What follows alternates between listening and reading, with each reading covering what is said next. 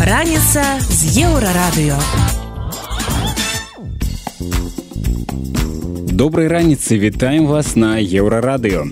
Пачынаем праграму раніца з еўрарадыё. Штодзённае шоу пра важныя падзеі, якія ўплываюць на жыццё беларусаў.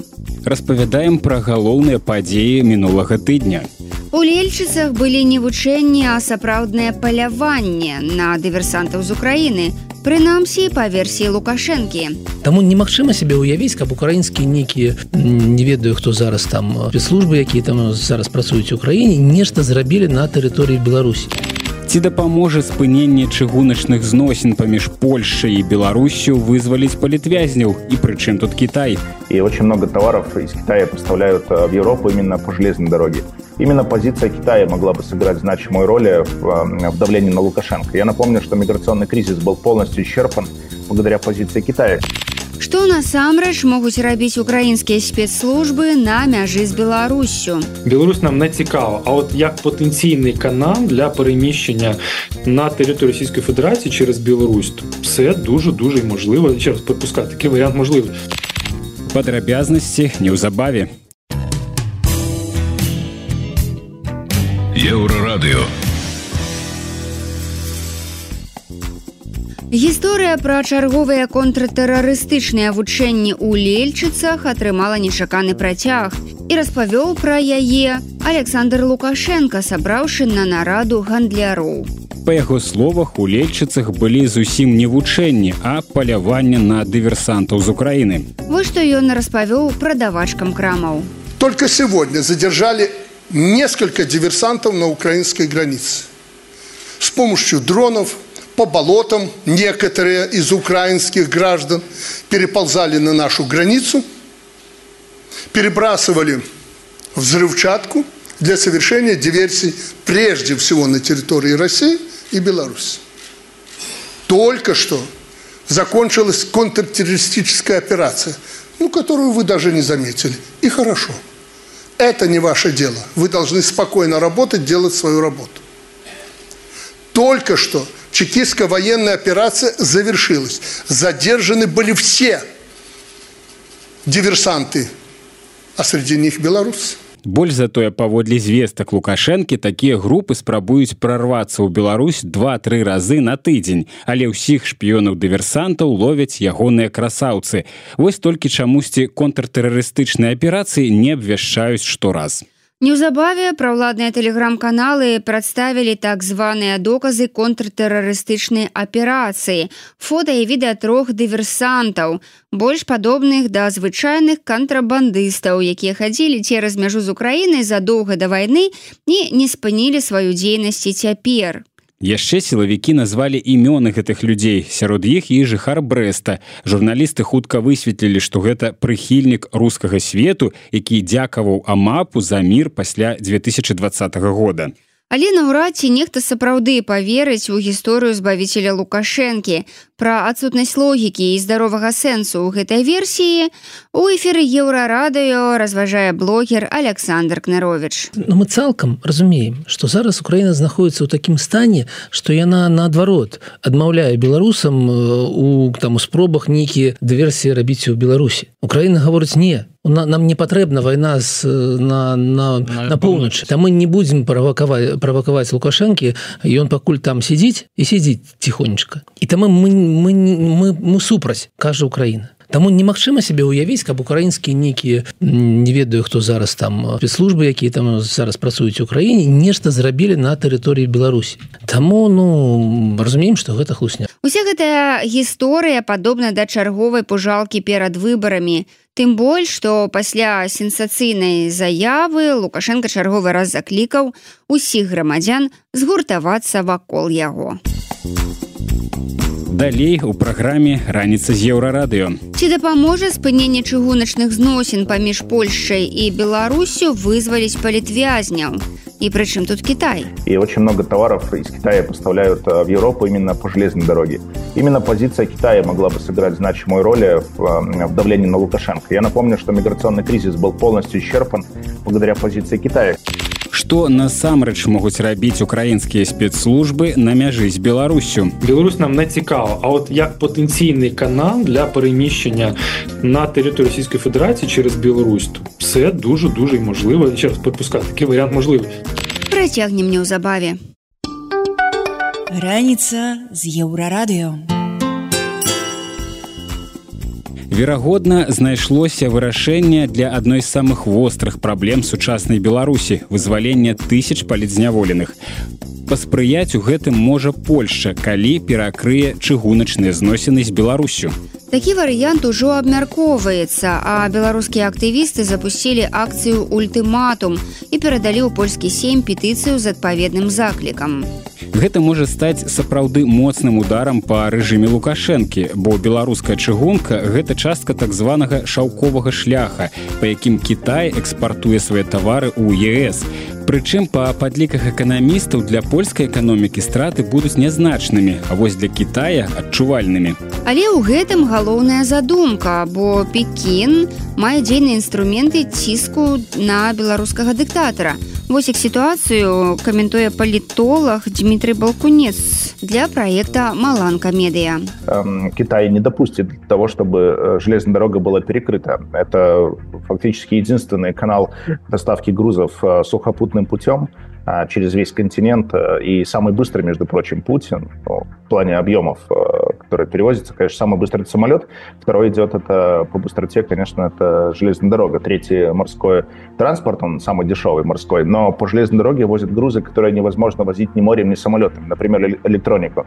И очень много товаров из Китая поставляют в Европу именно по железной дороге именно позиция Китая могла бы сыграть значимую роль в, в давлении на Лукашенко. Я напомню, что миграционный кризис был полностью исчерпан благодаря позиции Китая, когда Лукашенко уже получал ультиматум, и тогда он вынужден был пойти на уступки, и мигрантов уже нет на границах э, Беларуси с Европейским Союзом. Есть вероятность, что новый польский урад прислухается до этой инициативы и будет больше рашучим у своих заходах. Бо, як показывают апошнія навіны з России и Беларуси, вызваление палітвязняў – гэта пытанне не толькі свабоды, але і жыцця.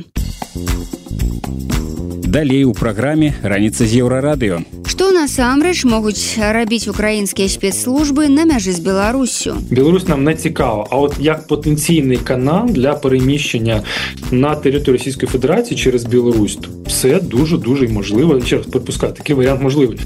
Працягнем неўзабаве. Еўрарадыё. Еўрарадыё.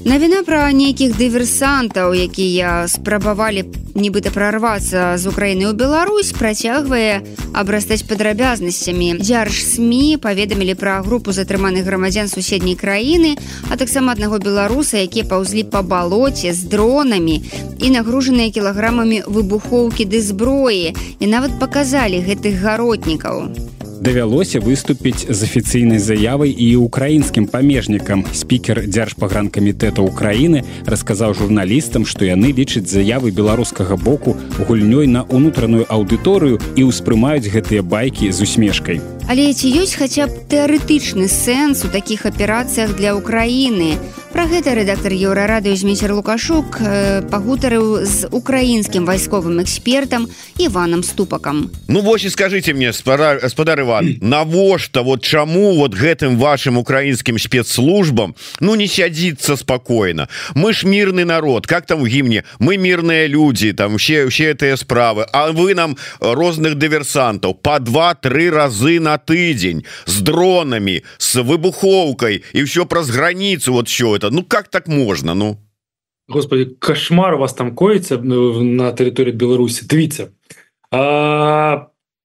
по-перше ну від себе відмічу трішечки офтоп господи яка радянщина це просто караул чека чекістська операція це це з часів не знаю там 40-х років 50-х чекіськ військова чекістська операція ЧК це ж та організація яка вбивала свій народ. Неважливо то були білоруси українці росіян вбивала казахів узбеків всіх. Вони нищили вони вбивали розстрілювали. Ну а лукашенко ось вихваляє чекістська операція це важливо підмітити. Це настільки радянщина що просто караул Тепер дивіться, ну про два-три рази на тиждень, можливо, це в нього там особисте життя. Два-три рази на тиждень було за, за часів його бурної молодості. Поставимо таке собі питання: а нащо Україні закидати два-три рази на тиждень вибухівку диверсантів на територію Республіки Білорусь? Нащо України зараз взагалі від слова зовсім не потрібна напружувати стосунки з режимом е, Лукашенки через що у нас є надзвичайно великий фронт. У нас е, тисячу кілометрів фронт з Російською Федерацією, починаючи від півдня, закінчуючи північем. І якщо ми ще будемо робити якесь напруження на білорусько-українському кордоні або якісь там пробувати акції робити, то це взагалі розв'язує руки Лукашенко і може початися ще додаткове вторгнення в Україну у нас ресурсів для того, щоб стримувати ще звідти вторгнення, немає. Тому я знаю, я впевнений, не впевнений, знаю, що наша влада ухвалила таке рішення. Ми не напружуємо стосунки з Білорусю. Ми залишаємо такий собі статус-кво. Ми не поляризуємо, не накачуємо. І Для того щоб не отримати незворотні там якісь там обстав... ситуації, якісь м, речі, що призведуть до погіршення ситуації на фронті. Тому для нас це невигідно. І от останнє таке, от на тему Білорусі.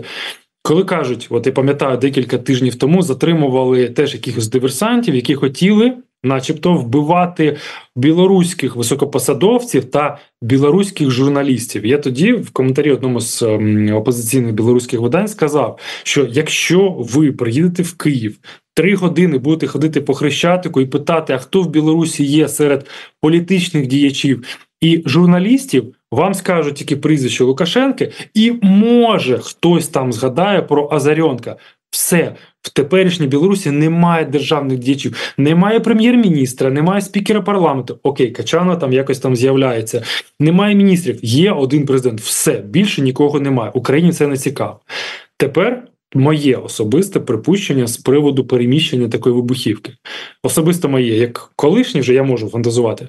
Я не виключаю, що як канал, потенційний канал переміщення вибухівки з України через територію Республіки Білорусь і потім в Росію, maybe, дуже можливий, бо вже були публікації на цю тему, що. Начебто українські безпілотники пролітають в Російську Федерацію туди в Пітер через територію Республіки Білорусь, там, де немає ну і те, що прикордонного контролю, а там, де немає систем протиповітряної оборони, там ж як два братських народи, наша там протиповітряна оборона, і можливо, ну, таким чином теж канал використовується і наземний. Але ще раз, це моє особисте припущення. Ну я адразу по ходу. Вот вы сказали выйти там по крышчатику походить пытаться кого ведаюць з беларускіх там палітыкаў журналістаў Ну па-першае для мяне вот вельмі крыўдна что там прыгадаюць толькі аднаго азаронку а лукашука не прыгадаюць. Ну да ладно. Не вы... кажам з дыктатарскай не не не я я жартую я жартую Іван я жартую. Але мы так кажем да сярод э, звычайных украінцаў так і будзе. Як і сярод звычайных беларусаў Мачыма там хтосьці там зеленскага хтосьці залужнага Ну хтосьці арестовича можа прыгадае і ўсё хутчэй за ўсё. Але ж мы кажам про спецслужбы. Спецслужбы то яны ведаюць імёны.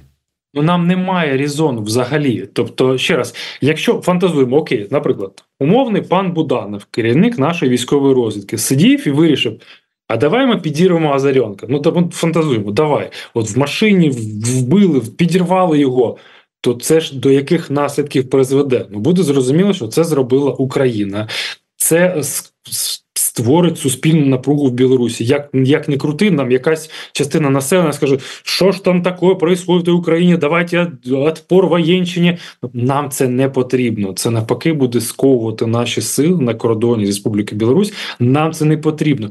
Так, ми пам'ятаємо, откуда готовилось наступлення на Київську область. Ми пам'ятаємо, ми не забули. Коли закінчиться війна, ми повернемося до цього питання. Але зараз для нас статус-кво, ось таке заморожування ситуації на кордоні найбільш сприятливий, найбільш цікаве і вигідніше, ніж отримати якусь. Там не знаю, військову операцію або стягнення білоруських військ до кордону України. Нам це не потрібно взагалі.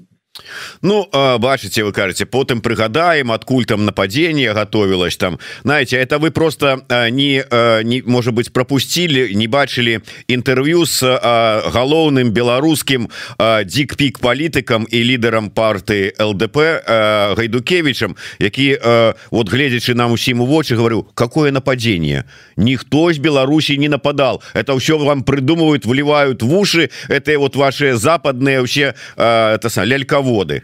Так что знаете так вот усе будуць глядзець на вас такими вочками и казаць какое нападение? Не было ничего Ну я вам прямо скажу давайте ще раз хто з ваших глядачів можливо засумнівався або забув на території Київської області е, заходили війська з території Республіки Білорусь через Олександрівку Вільча Олександрівка пункт пропуску і там заходили і рухалися.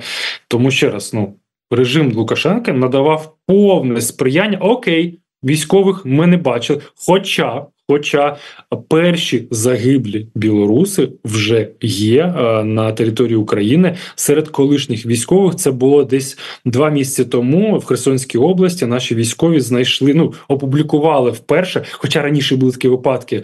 військовий квиток запа офіцеру запасу е, білоруських збройних сил. Тобто людина приїхала воювати прямо своїм квитком військовим і отримала. Ну знайшла смерть на території України.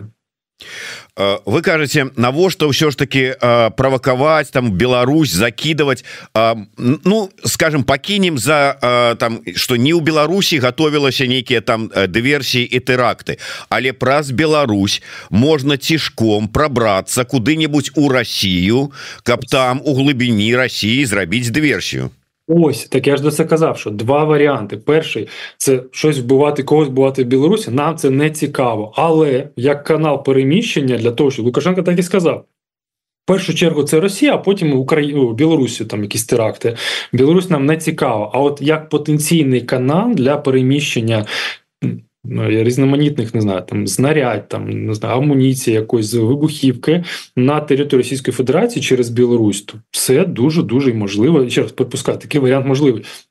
Я з чого навів приклад про безпілотники, які летіли на територію Господи, Біло Санкт-Петербурзького цього НПЗ е, Усть-Луга, то вони по переднім даним летіли саме через територію, ну, окремо через територію Республіки Білорусь, тому я не виключаю іноземний шлях, іноземний маршрут яшчэ одна навіна якая узарвала інфармацыйную прастору на мінулым тыдні смерць расійскага апазіцыянера алексея навальнага. Ці паўплывае гэта на адносіны захаду да рассіі што пра гэта думаюць украінцы? І якія у лукашэнкі і пуціна яшчэ засталіся чырвоныя лініі? Працягвае вайсковы эксперт Іван ступак. Іван я хочу да вас як чалавека які ведае як працуюць спецслужбы і як палітычнага аналітыка на сённяшні дзень вот выказаць сваё меркаванне по сітуацыі таксама зараз э, толькі ну з'явілася інфармацыя про тое что там у расійскай турме памёр навальны адразу пачалі гаварыць про тое что гэта э, Путін яго забіў гэта спецслужбы гэта э, не сам ён. Ну карацей кажучы самі ведаеце як у такой сітуацыі пачынаюць этой размовы. І тут э, два пытання. Вот вы выключаете не выключаете верагоднасць того что это сапраўды как бы была такая помста спецслужбы не спецслужбы але гэта смерть не такая звычайная а справакаваная нейкімі забойцамі і другое Як вы думаете як гэтай сітуацыяй могуць скарыстацца режим лукашэнкі режим Путина я не ведаю там Украіна ці яшчэ хто Так, дивіться, от з того, що я бачу, от ми зараз спілкуємось 16 число, 14.27 за Києвом. Я не бачу якихось вказівок, ну якісь там фактори, які свідчать про те, що Навально там не знаю, били, е, спеціально забили і він помер. Роками створилася ситуація, щоб він втрачав своє здоров'я. В цій в'язниці скільки 27 разів він був в ШИЗО. Тобто в'язниця взагалі не надає здоров'я людині. А ШИЗО це взагалі це повністю воно виснажує там в десятки разів швидше. Я не виключаю, що там не недостатня кількість вітамінів, е, годування, фізичне, психологічне, емоційне виснаження, плюс там зовнішнє ставлення, і він міг померти просто за природних обставин для російського диктаторського режиму. Це був би ідеальний варіант.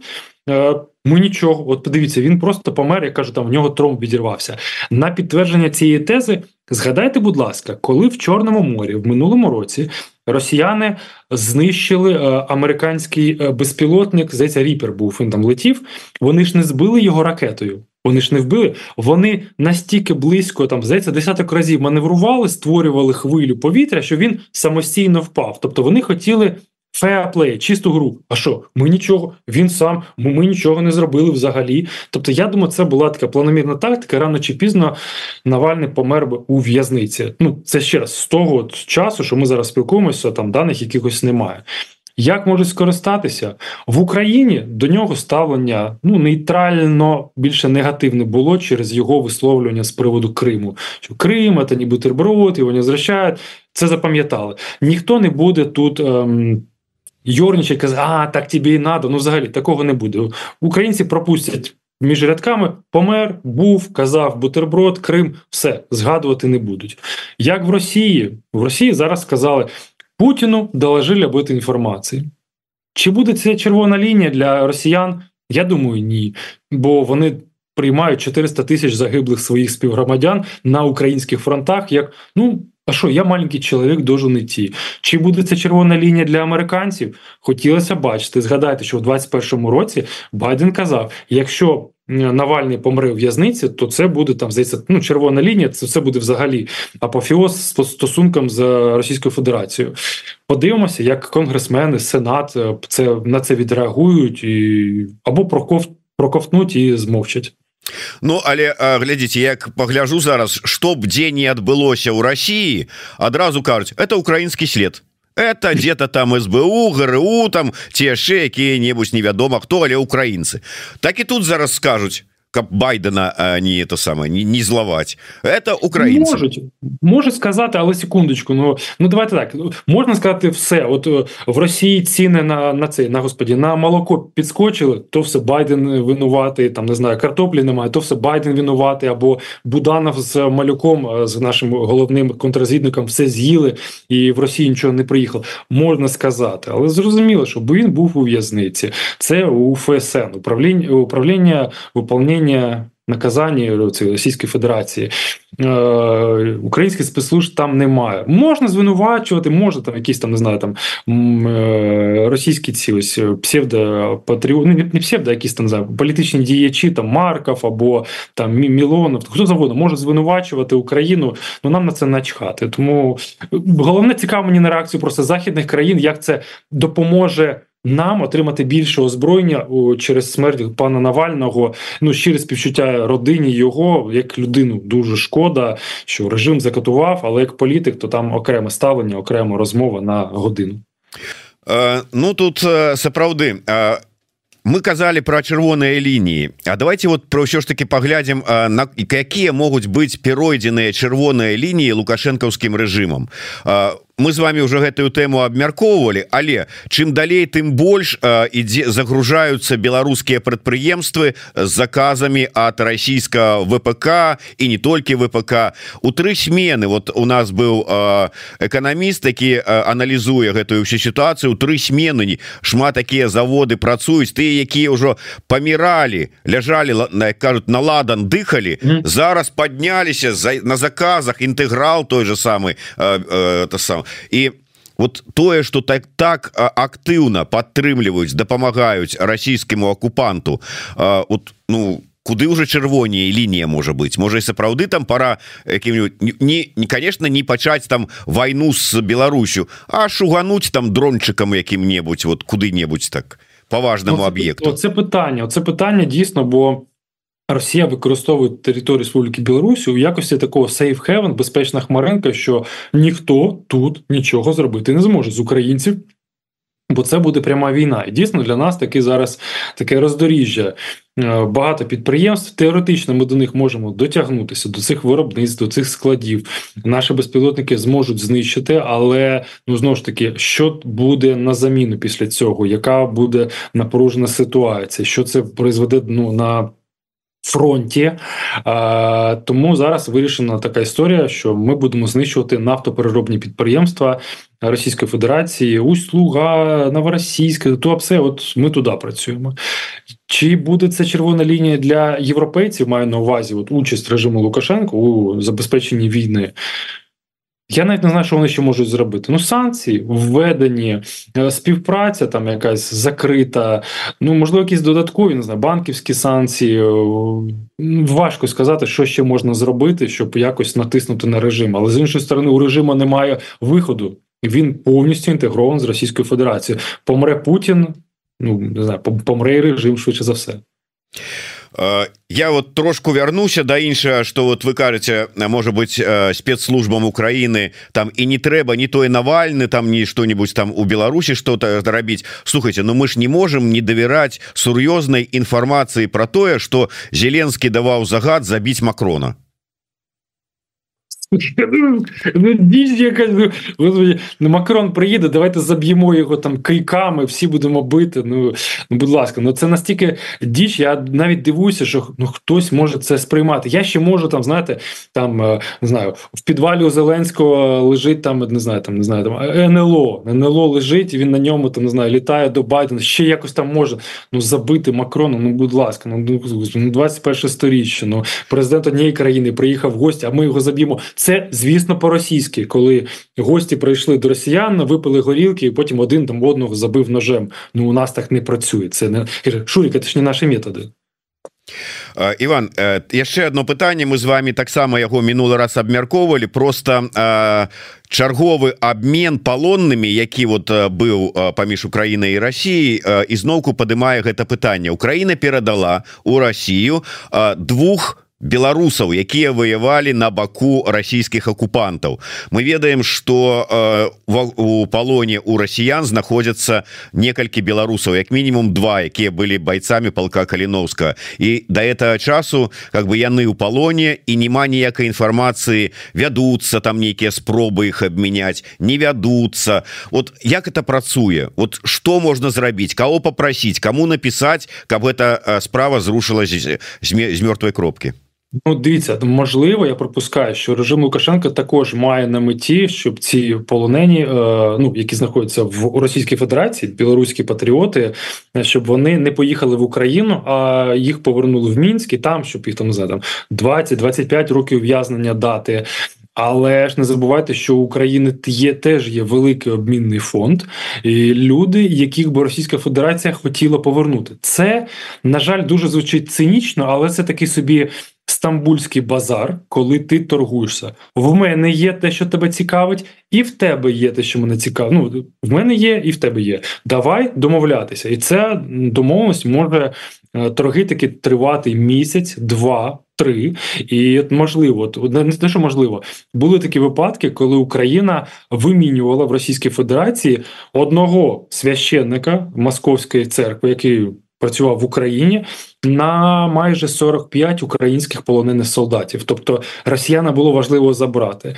Наприклад, е, Віктора Медведчука, російського цього діяча, який сидів в Україні, ми теж виміняли дуже дуже за цікавим курсом. І ось я думаю, що в Україні теж зберігається. Ну є люди, яких ми можемо обміняти на цих білоруських патріотів, повернути їх в Україну. І я думаю, через це Росія не видає мінську цих людей. Гэта былі наш рэдактор змейсер лукашукі украінскі вайсковы эксперт Іван ступак. Яны абмеркавалі аперацыю лукашэнкаўскіх спецслужбаў на украінскай мяжы і смерць расійскага апазіцыянера Алексея навальнага. Далей у праграме раніца з еўрарадыё. Колькі каштуе камуналка для дармаедаў? Отопление 146 беларускіх рублей Это хорошо, что ребенок прописан. Поделили с ребенком. Самолеты з Брэста паляцяць у Маскву, а ці варта чакаць адкрыцця неба над Еўропай. Санкцыі вакол Белавіі можна можна абмяркоўваць, напрыклад, чаму? Таму што Пратасевіч на волі, Софія Сапеха таксама на волі. Пра гэта больш падрабязна бліжэйшым часам.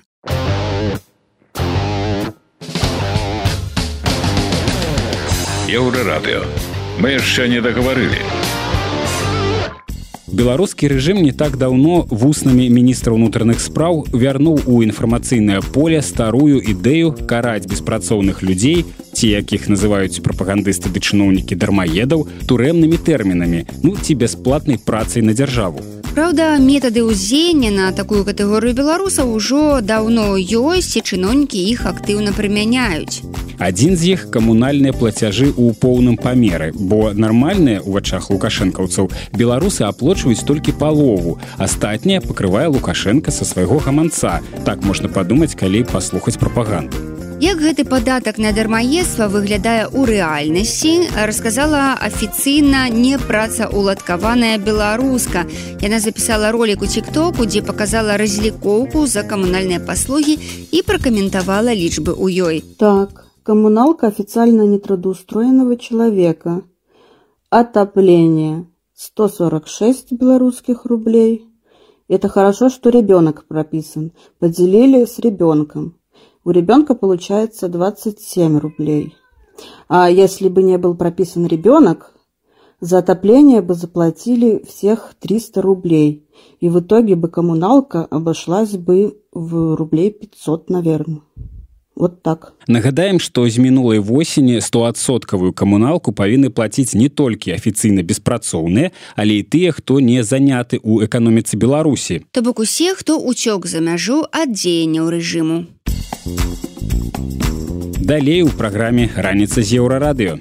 Самалёты з брэста паляцяць у Маскву. Ці варта чакаць адкрыцця неба над Еўропай. Санкцыі вакол Белавіі можна можна абмяркоўваць, напрыклад, чаму? Таму што Пратасевіч на волі, Софія Сапеха таксама на волі. Падрабязнасці неўзабаве. Хутка, чутка і па-беларуску. У той час, як паездкі беларусаў па свеце становяцца ўсё больш складаным квестам, магчымасці патрапіць у так званую саюзную дзяржаву толькі пашыраюцца. Белавія заявіла, што адкрывае прамыя авіярэйсы з брэста ў Маскву. Выконваць іх пачнуць з красавіка двойчы на тыдзень па серадах і суботах. Працягласць палёту гадзіна і 45 хвілін, а кошт, як сцвярджае авіяперавозчык, толькі крыху вышэйшы зацягнік 46 еўра ў абодва бакі. Праз тое, што для айчынай авіякампаніі закрытая большасць накірункаў, яна вымушана выжываць за кошт канкурэнцыі з цягнікамі і таму ажыўляе абласныя аэрапорты. Або ладзіць рэйсы на арабскія ды афрыканскія курорты, у якія цяпер вымушана лётаць гіганцкім крукам па 8 гадзін. Падаецца, што ўсе пачалі забывацца пра прычыны гэтай сітуацыі у авіасферы. Эканаміст Уладзімир Кавалкін у эфіры Еўрарадыё нагадвае, як мы дайшлі да закрытага неба над Еўропай і разважае, ці ёсць верагоднасць змяніць гэтую сітуацыю. Санкцыі на Белавію пасля пасадкі Пратасевіча. Ну, ось э, сан санкцыі вакол Белавіі можна можна абмяркоўваць, напрыклад, чаму? Таму што Пратасевіч на волі, Софія Сапеха таксама на волі, а санкцыі ўсё яшчэ дзейнічаюць. І вось напрыклад санкцыі па белавіі можна пачынаць абмяркоўваць у кантэксце давайте мы іх абмяняем на палізняволеных напрыклад. То бок ну давайте іх тупо выкупім вось палізняволеных. У гэтым можа быць рацыя. Вось але калі казаць пра санкцыі там супраць прамысловасці супраць шматлікіх кашалькоў якія там, неяк дапамагаюць са схематозам абысці іншыя санкцыі які ўведзены супраць рассіі і ў кантэксце суагрэсіі. Гэта гэта гэта будзе вельмі цяжка абмяркоўваць тому что ну паўтаруся там там яшчэ не адбылася тое што павінна адбыцца. Там няма мірных перамоў паміж рассіяй украінай і ну что тут казаць. Але малаверагодна што рэжым пойдзе на вызваленне палітвязняў каб неяк палепшыць жыццё для сваіх жа грамадзян Вось калі гэта палепшыць жыццё аднаго чалавека і мы ўсе ведам якога, то шансаў на змены натуральна больш. Раніца з еўрарадыё.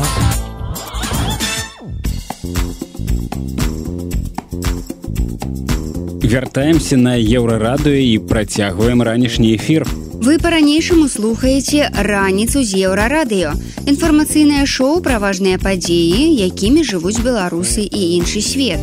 І вось што цікавага мы распавядзем далей.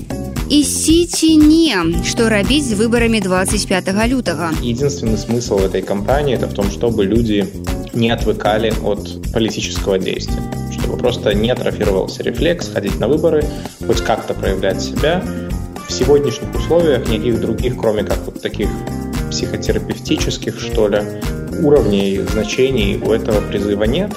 Агент у кадровым резерве. Что вядома этого могли прийти и сказать мы про тебе все ведаем. Ты удзельник кадрового резерва а адзінае подозрение якое намелі это вось заходы на сайт эканамічныя вынікі тыдня у рубрыцы хау-матч про гэта ды іншае больш падрабязна цягам бліжэйшай гадзіны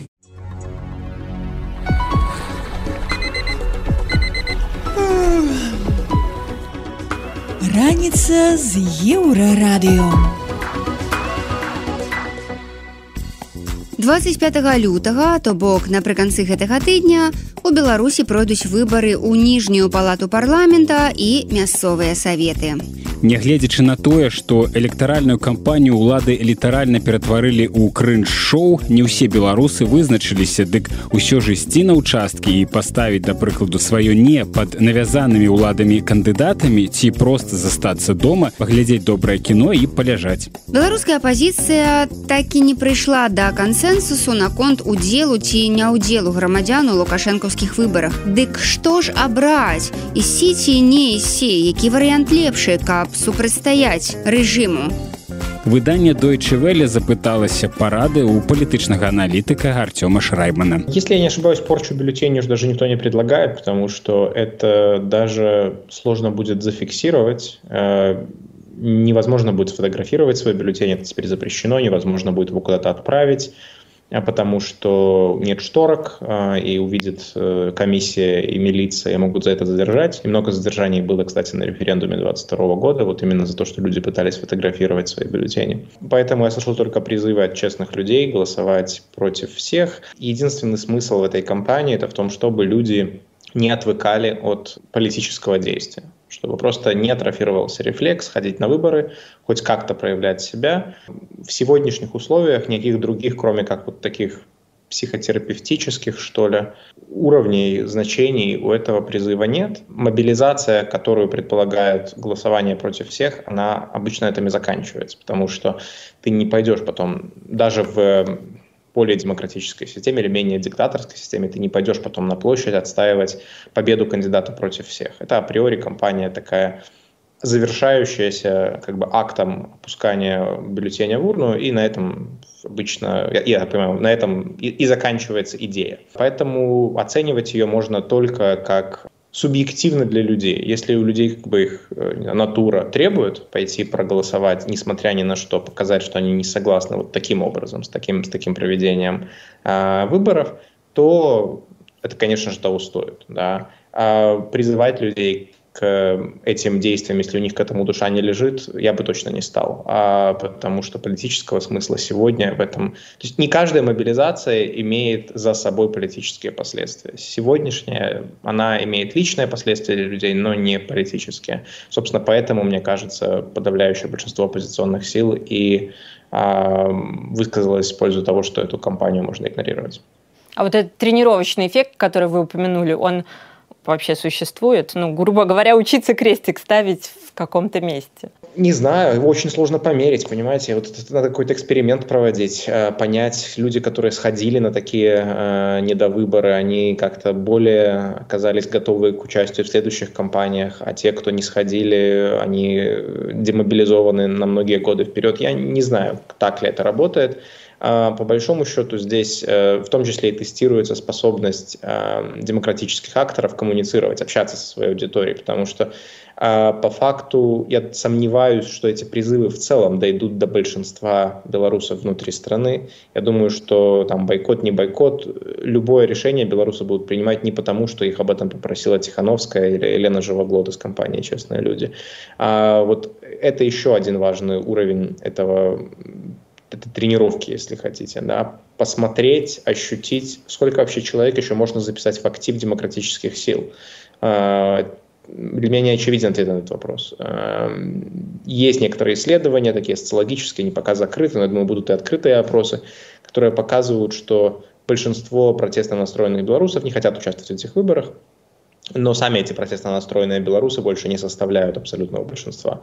И поэтому а, возникает а, действительно огромный вопрос на тему того, вот этот призыв и не ходить голосовать на выборы, его кто-то услышит за пределами тех, кто так не собирался, или нет? Вот у меня, у меня нет однозначного ответа. Сёлетнія выбары ў Беларусі пройдуць пад грыфам амаль сакрэтна. Ну прынамсі, калі ўлічваць, што ўлады хаваюць прозвішчы чальцоў выбарчых камісій і што паўсюль э, збіраюцца расставіць камеры, каб ніхто крый Божа нічога не сфатаграфаваў на участку, ні свой бюлетэнь, ні твар тых, хто будзе гэтыя бюлетэні лічыць. Няўжо ўлады настолькі няўпэўненыя ў сабе, што ладзіць такое шоу. Вось што думае колішняя кандыдатка ў дэпутаты, актывістка і былая палідзняволеная Алана Ебрамарыям. Я думаю, что яны дагэтуль адчуваюць, што людзі э, ну, не пагаджаюцца з тымі вінцікамі, якія яны закручваюць дагэтуль у грамадстве, Таму што ўлада ўжо залезла і ў прыватнае ну, не тое, што зараз залезла, она раней залезала, просто ўжо масава залезла ў прыватнае жыццё, Э, у спрабуй залезці ў твае думкі спрабуе кантраляваць максімальна все сферы жыцця да і тебе здавалася што внутри сям'і внутри камунікацыі там сябрамі сяброўкамі э, свой голас ты можаш аддаць куды захочаш ну таму что як бы гэта просто твоё жаданне але улада все равно гэта будзе кантраляваць тому что досвед двадцатого дастаткова моцна пабіў іх 10 дагэтуль ёсць крыўда страха паўтарэння Я думаю что у тым ліку кампанія ідзе паралельна каардынацыйная рада ўспрымаецца імя ніяк там нейкія вельмі весомы э, важкі не ведаю важкая інстытуцыя супраць якой трэба нейкія дзеянні прадпрымаць А гэта таксама момант таго, каб людзі не спрабавалі нават з Беларусі э, яднацца неяк кансалідавацца вось з людзьмі, якія знаходзяцца ў міграцыі з інстытуцыямі палітычнымі, якія знаходзяцца ў эміграцыі, Таму што ну, калі мы разам, калі мы можам адзін аднаму дапамагчы, калі мы можам праявіць нейкі свой голас, аб'яднацца нават, э, ва ўмовах рэпрэсій э, на выбарах каардынацыйнай рады ці на выбарах унутры э, краіны гэта значыць што есть еще грамадства суб'ектнасць магчымасць абіраць дзейнічаць неяк разам і дзейнічаць самастойна і што ўлада не кантралюе все і канешне э, яны гэтага асцерагаюцца і прыпрымаюць усе магчымыя захады каб э, людзі не адчувалі сябе самастойнымі і э, што яны маюць не, нейкі вес і могуць вырашаць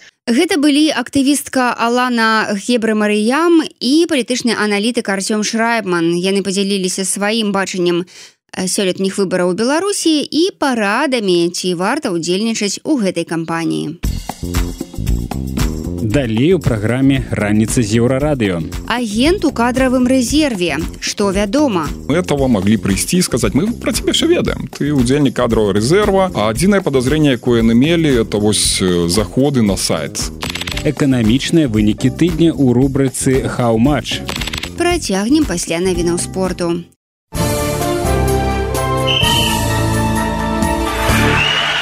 На еўрарадыё навіны спорту. у Вікторыя Азарынка завяршыла выступленне на тэнісным турніры ў катары. У чвэртьфінале яе абыграла першая ракетка свету і гасвён так 6460. У адрозненне ад прадстаўніцы Латвіі Алены Астапенко польская тэнісістка пасля гульні паціснула руку беларусцы. Хакеісты мінскага дынама ў чэмпіянаце КХл прайгралі ў гасцях маскоўскім дынамаўцам 1-2. Чатыры апошнія матчы ўжо не паўплываюць на турнірнае становішча беларускага клуба, які займае восьмае месца ў заходняй канферэнцыі. Гэта азначае, што плэй-офф давядзецца гуляць з яе лідарам. На дадзены момант гэта ска. Алеся Гетманова стала бронзавым прызёрам чэмпіянату Еўропы па барацьбе. З беларусак, якія выступаюць у нейтральным статусе, да змагання за ўзнагароды дайшла толькі яна. Гетманова выступала ў вагавой катэгорыі да 59 кілаграмаў. 21гадовы левы паўсярэдні Арсеній Драгашевіч Чарнагоры стаў гульцом беларускага гандвольнага клуба мяшкоў Брест. Раней ён выступаў у Славеніі і Швейцарыі, выклікаўся ў зборную Чарнагорыі. 21гадовая беларуская футбалістка мінска мелана сураўцава перайшла ў венгерскі пушкаш паведамляе футбол бай у мінулым сезоне яна з 57 галамі стала найлепшым бамбардзірам чэмпіянату і была прызнаная найлепшай нападаючай Юрген Клінсман звольнены з пасады галоўнага трэнера футбольнай зборнай паўднёвай карыі. 59гадовы нямецкі спецыяліст працаваў з ёй з мінулага года. Прычынай адстаўкі стала няўдача ў кубку Азіі, дзе ў паўфінале паўднёвая карэя нечакана прайграла і артаніі. Гэта былі навіны спорту, заставайцеся на еўрарадыё.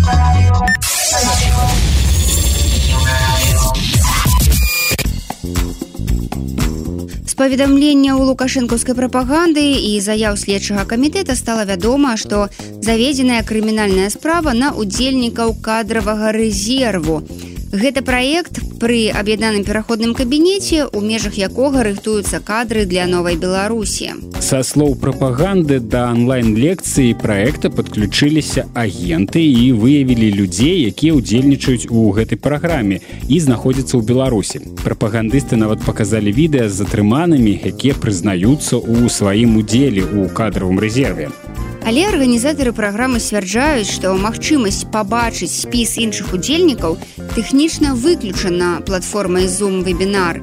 Нават адміністратар там бачыць толькі пералік асабістых нумароў замест імёнаў удзельнікаў. Ці сапраўды былі затрыманыя удзельнікі праграмы кадравы рэзерв, А калі так, то чаму гэта адбылося? Якія меры бяспекі выкарыстоўваюць заснавальнікі праграмы і чаму спецслужбаў так цікавіць кадравы рэзерв?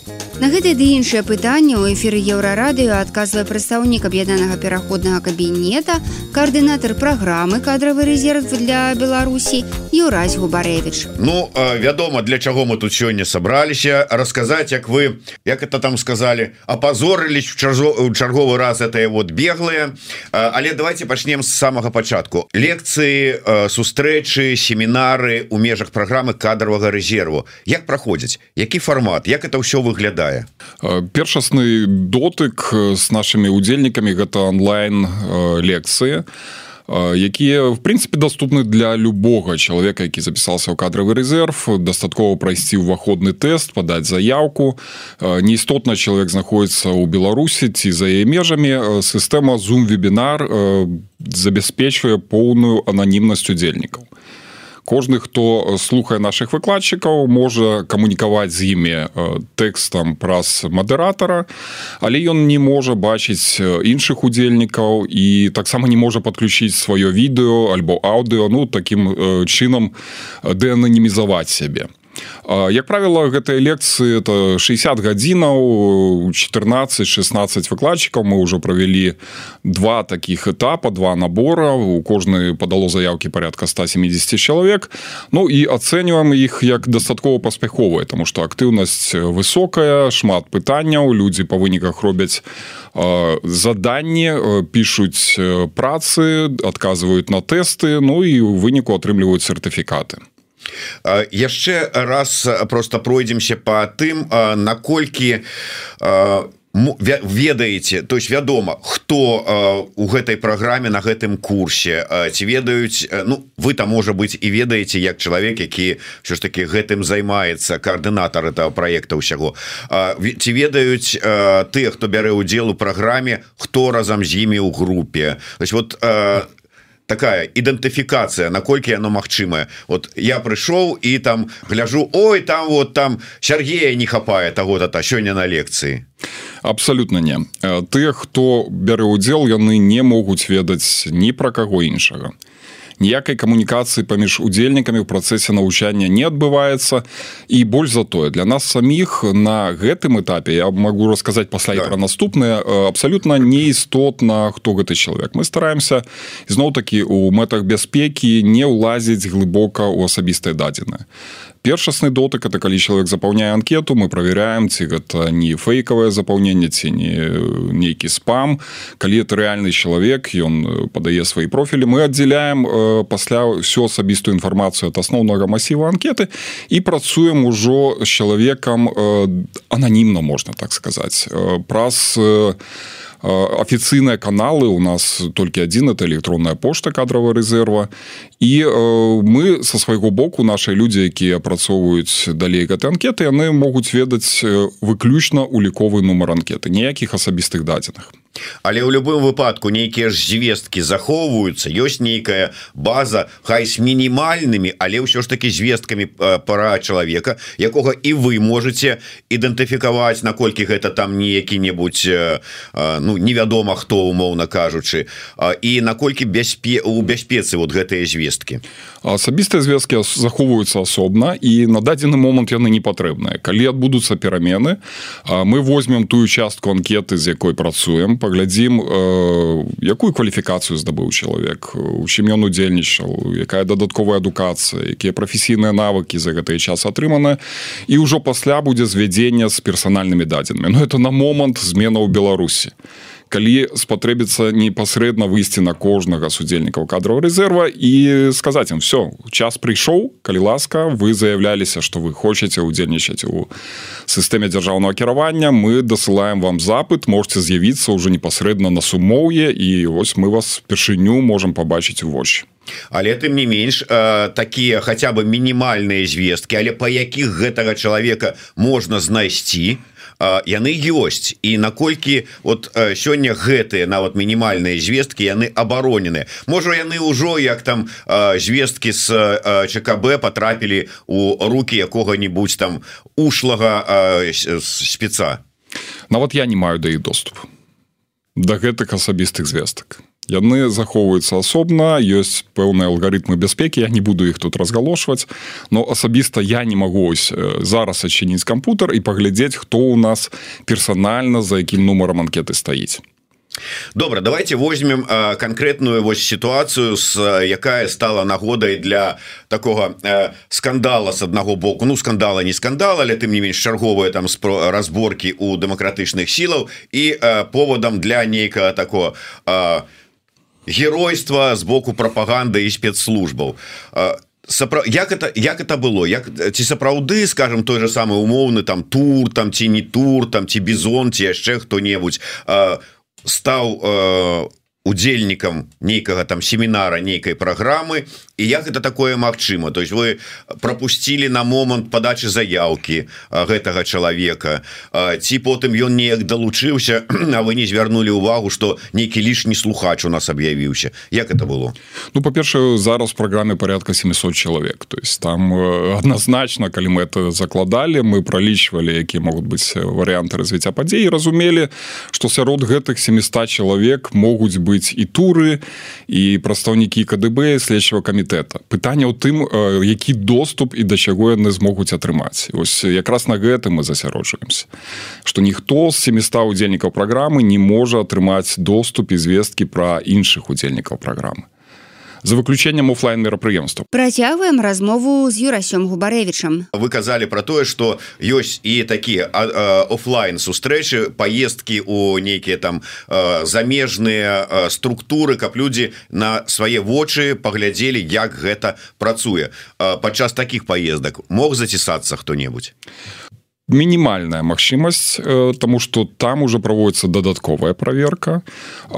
Першае мы рассылаем анкеты для патэнцыйных удзельнікаў і яны азначаюць что э, прымаюць рызыкі звязаныя с удзелом таких мерапрыемствах канешне калі яны хочуць захаваць поўную ананімнасць яны яе захаваюць тады просто трэба заставацца на онлайн мерапрыемствах там абсалютна ніякага магчымасці камунікаваць у нейкіх групах не будзе паказаць сваю асобу магчымасцей не будзе калі ўжо паездкі а мінулым годзе мы іх рэалізавалі некалькі у германію по польшы по самакіраванню літву зараз яшчэ чарговая плануецца в літву так это групы порядка там 15-17 чалавек кожны з гэтых удзельнікаў мусіць разумець что і ў гэтай групе можа з'явіцца хтосьці альбо па неасцярожнасці зрабіць супольнае фото дзесьці гэтае фото размясціць кожны раз раз на гэта звяртаем увагу что без вашай згоды ніхто не мае права вас фотаграфаваць нідзе не не рабіце ніякіх запісаў не размяшчаеце так далей. Но рызыкі ўзрастаюць і тут людзі дарослыя яны калі даюць згоду на ўдзел падобных мерапрыемствах яны свядома мусяць разумець что гэта больш высокія рызыкі. Дарэчы вельмі цікавы такі момант. Сапраўды час ад часу людзей рандомна там да іх прыходзяць з той ці іншай прычыны. І вось ізымаюць тэхніку і э, можна у э, камп'ютары там ці яшчэ ў тэлефоне знайсці нейкія звесткі спасылкі лінкі ці яшчэ што-небудзь што можа э, как бы аб'яднаць гэтага чалавека з праграмай кадравы рэзерв э, гэтыя моманты прадугледжаны Вось тут ёсць асноўная небяспека і у кожным лісце і регулярна мы рассылаем інструкцыі што прачыталі перапіску калі ласка знішчайце защищайте любые следы контактаў з кадром рэзервом заходаў на сайт. Вот тут дарэчы вельмі цікавая сітуацыя сайт кадрового рэзерва які был прызнаны экстрэміскім ресурсам у траўні мінулого года был заблакаваны з тэрыторыі беларусі Ну як это звычайна адбываецца але у не так давно э, спецслужбы ну напэўна это ў іх ведзенне адчынілі доступ. І таму па неабачлівасці любы грамадзянін з беларусі мог зайсці на сайт не выкарыстоўваючы VPN бо это мы таксама рэкамендуем і адпаведна правайдеры маглі адсачыць по IP якія ресурсы чалавек наведал і да яго ўжо мэтава маглі прыйсці сказаць мы про тебе все ведаем. Ты удзельнік кадрового резерва.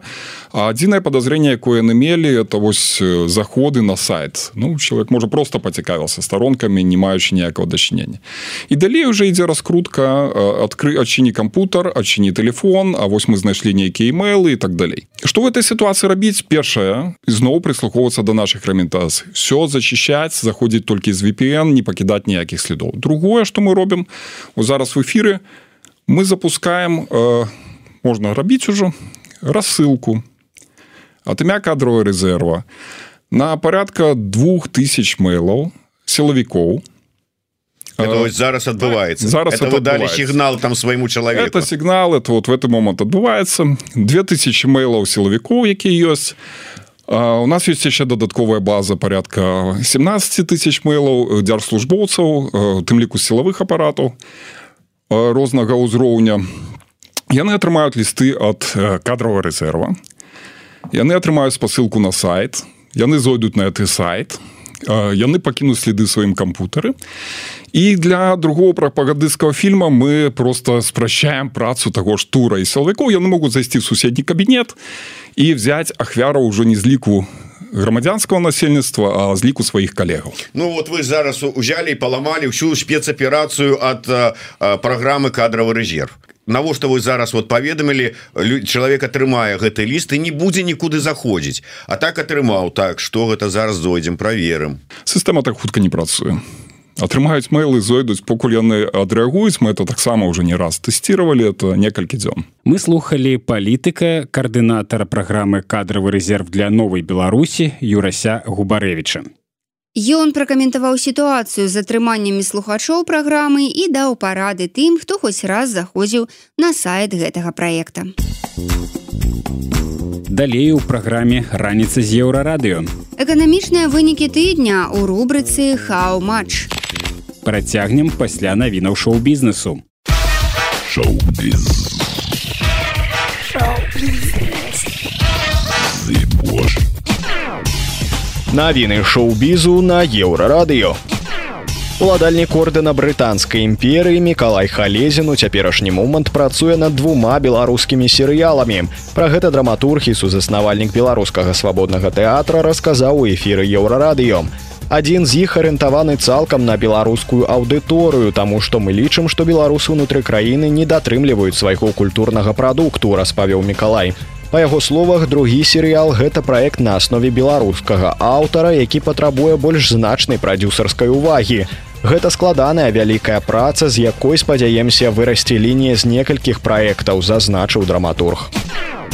Беларуская оперная спявачка Маргарыта Ляўчук нарэшце паказала свайго каханага. Сумесныя і даволі адкрытыя здымкі яна апублікавала ў садсецыю і ўпершыню адзначыла на кадрах бойфренда. Мы падумалі і я вырашыла, што грэх такія фатаграфіі трымаць на паліцах, зазначыла пад пастом спявачка. Маладога чалавека маргарыты клічуць Руслан, мяркуючы па ягоных сацыяльных сетках ён з Украіны. Руслан у адрозненне ад маргарыты не любіць афішаваць сваё асабістае жыццё. Яго профілі ў садсетках зачыненыя. Спявачка нават запісала відэа для ўсіх тых, хто чакаў адкрыцця таямніцы. З гэтага дня яна беларуская б'ёнце, а яе хлопец Джейзім іранічна дадала марго. Выданне Таймс паведамляе, што герцаг і герцагіня сасакскія гары і Меган вырашылі выкарыстаць у якасці прозвішча дзяцей на іменне свайго тытула.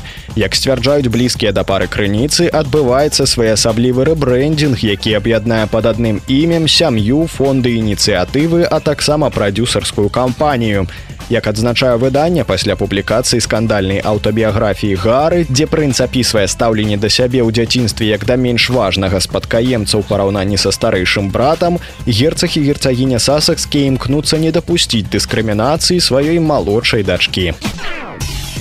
16 лютага адбудзецца прэзентацыя кінапраектаў, якую ладзіць беларуская незалежная кінаакадэмія.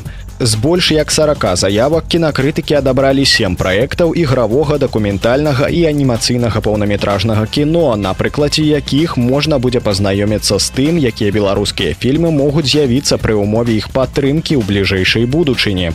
17 лютага пачнецца цырымонія ўзнагароджання беларускай прэміі кінакрытыкаў чырвоны верас. Дарэчы, цягам усяго фестывалю ў кінатэатрах можна будзе паглядзець стужку Паўла Мажара, непажаданае сваяцтва. Кіно берлінскага рэжысёра беларускага паходжання трапіла ў конкурс фестывалю Берлінале Шоц. Гэта былі навіны шоу-бізу, заставайцеся на еўрарадыё.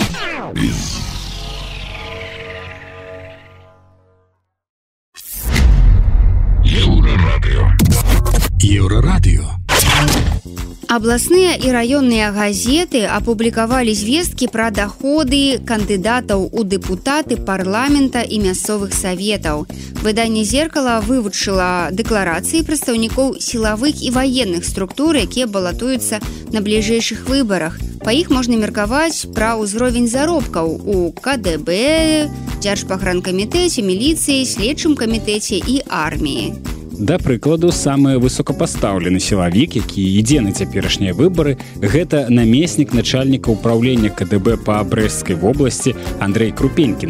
У 22 годзе Крупенькін зарабіў 71 114 рублёў за год, то бок у месяц ён атрымліваў 5926 рублёў заробку. Яшчэ адзін сёлетні кандыдат у дэпутаты намеснік пракурора гродзенскай вобласці Андрей Скурат. Яго гадавы даход 64 290 рублёў або 5300 рублёў у месяц. Натуральна можна падумаць, што пракуроры і кадыбісты мусяць добра зарабляць, бо ў іх цяжкая праца. Ну, вышукваць неіснуючых ворагаў ці асуджаць нявінных людзей. Але паверце, у супрацоўнікаў мінскага рыбакамбіната, якім 6 месяцаў не плацілі заробку, праца значна цяжэйшая. Яны ж кормяць грамадзян Беларусі рыбай. Напэўна, вы здагадаліся, што наўпрост цяпер мы будзем гаварыць пра лічбы, бо на чарзе рубрыка хау-матч і эканамічныя вынікі тыдня. Хау-матч. Колькі? Добрый дзень. З вами рубрика Хау-матч, у якой мы гаворым пра асноўныя эканамічныя падзеі тыдня. Сёння мы паговорым пра тое, што прыдумалі ўлады, каб затрымаць у краіне моладзь, а таксама пра тое, навошта Беларусь хоча будаваць атамныя ледаколы і дзе ўрад зноў шукае грошы. На гэтым тыдні Александр Лукашенко зноў распавядаў сваім чыноўнікам пра праблемы вышэйшай адукацыі. Бо з беларускай школай улады зрабілі ўжо ўсё, што маглі, а вышэйшая адукацыя пакуль трымаецца. Як заўжды, Лукашенко хваліўся дасягненнямі савецкіх часоў. Советская высшая школа дала миру гениальное открытие, прославленное на весь мир имена. Тогда полученные в наших вузах знания были на вес золота.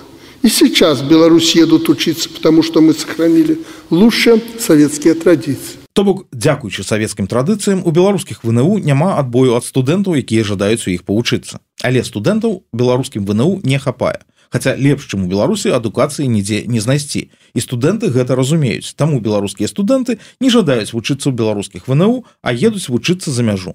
Адчуваецца гэты шизофрэнічны ўзровень логікі. Але лукашенко і сам адчувае што нешта з яго логікай не так. Почему бгу бнту медвузы гуир не является для наших студентов вундеркиндов приоритетом для поступления апошнія гады колькасць студэнтаў беларускіх вНУ імкліва скарачаецца калі ў сезоне 20 21 года ў беларускіх вНУ вучыліся 255 тысяч чалавек дык цяпер 230 тысяч. Мінус 25 тысяч за два гады А ўсё чаму?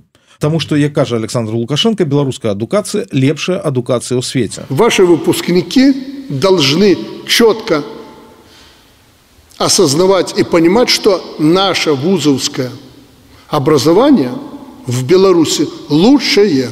Вось таму што адукацыя ў беларусі лепшая і вучні гэта выдатна разумеюць яны ўсё часцей выбіраюць не беларускія вНУ а замежныя А яшчэ ў беларусі створаны самыя лепшыя умовы для моладзі нідзе больш беларуская мова не знойдзе сабе таких выдатных сацыяльных гарантыяў якія стварылі для беларускай моладзі беларускія ўлады. Таму што беларускім выпускнікам у беларусі гарантавана іх першае працоўнае месца. І гэта вялікая перавага для беларускіх выпускнікоў бо нідзе большым першае працоўнае место не гарантаванае.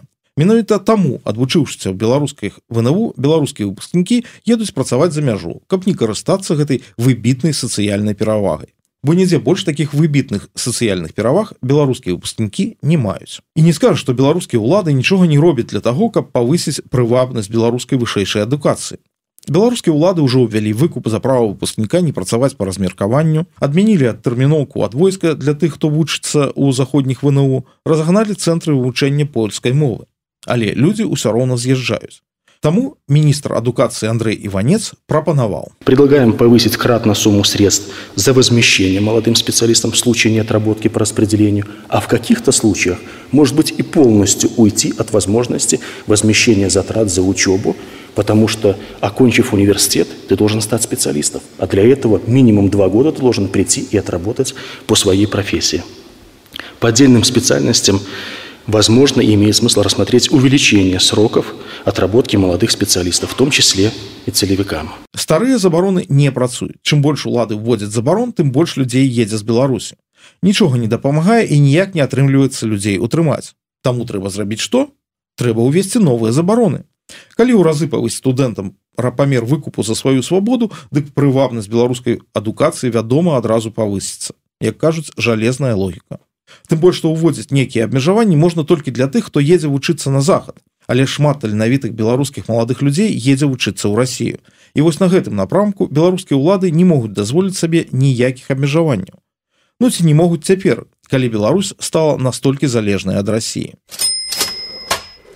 Амбасадар Беларусі ў рассіі Дмітрый круты, дарэчы, падзяліўся планамі беларускіх уладаў адносно супрацы с адзіным хаурусником. Мы рассматриваем э, в том числе возможность участия в э, программе э, строительства атомного флота, который будет обеспечивать соответствующую навигацию ну, в сложных погодных условиях. Когда мы будем иметь свой флот, мы будем иметь свои суда, мы не будем зависеть ни от западной инфраструктуры, ни от инфраструктуры недружественных стран. Насамрэч гэтая гатоўнасць наших уладаў паўдзельнічаць у любых расійскіх праектах тлумачыцца вельмі проста. Грошы патрэбныя вельмі патрэбны грошы.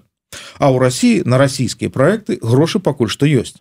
Просто прыгадайце ініцыятывы апошняга часу. Спачатку наши улады настойліва прапаноўвалі рассіі пабудаваць у беларусі другую атомную станцыю за расійскія грошы. Некалькі мільярдаў долараў якія можна было б на яе асвоіць на дарозе не валяюцца.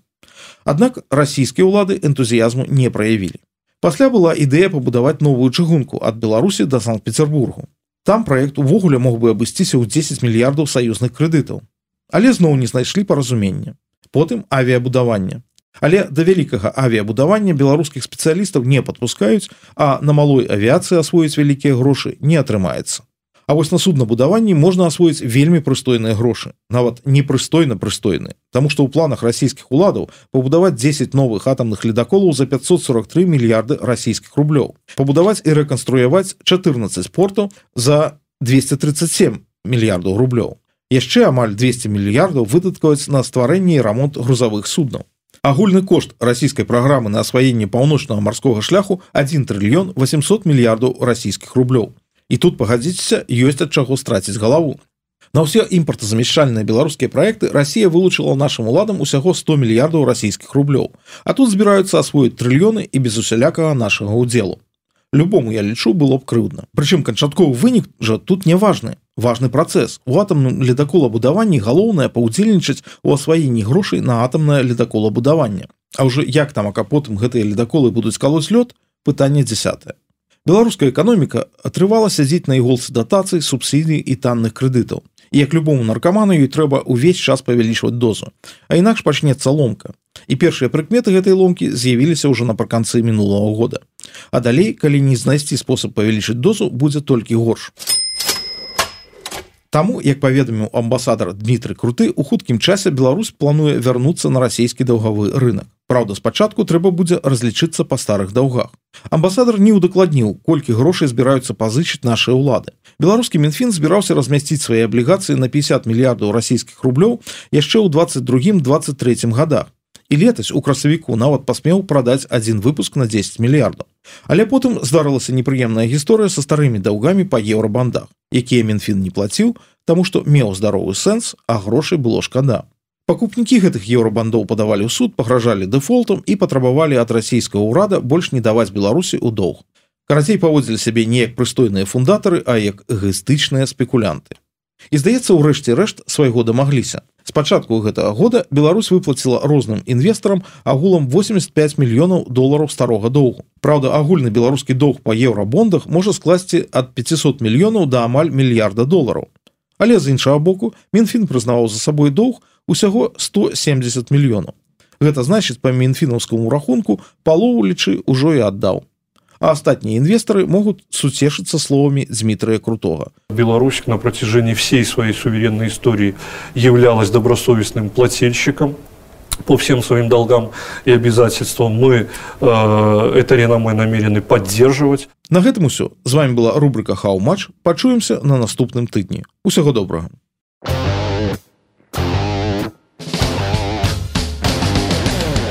еўрарадыо мы яшчэ не дагаварылі Гэта былі самыя важныя сэнсы і навіны раніцы з еўрарадыё. Заўтра ранкам мы зноў распавядзем вам пра галоўнае, што адбываецца ў краіне і свеце. Сустракаемся ў той жа час у тым жа месцы. Беражыце сябе. Пачуемся.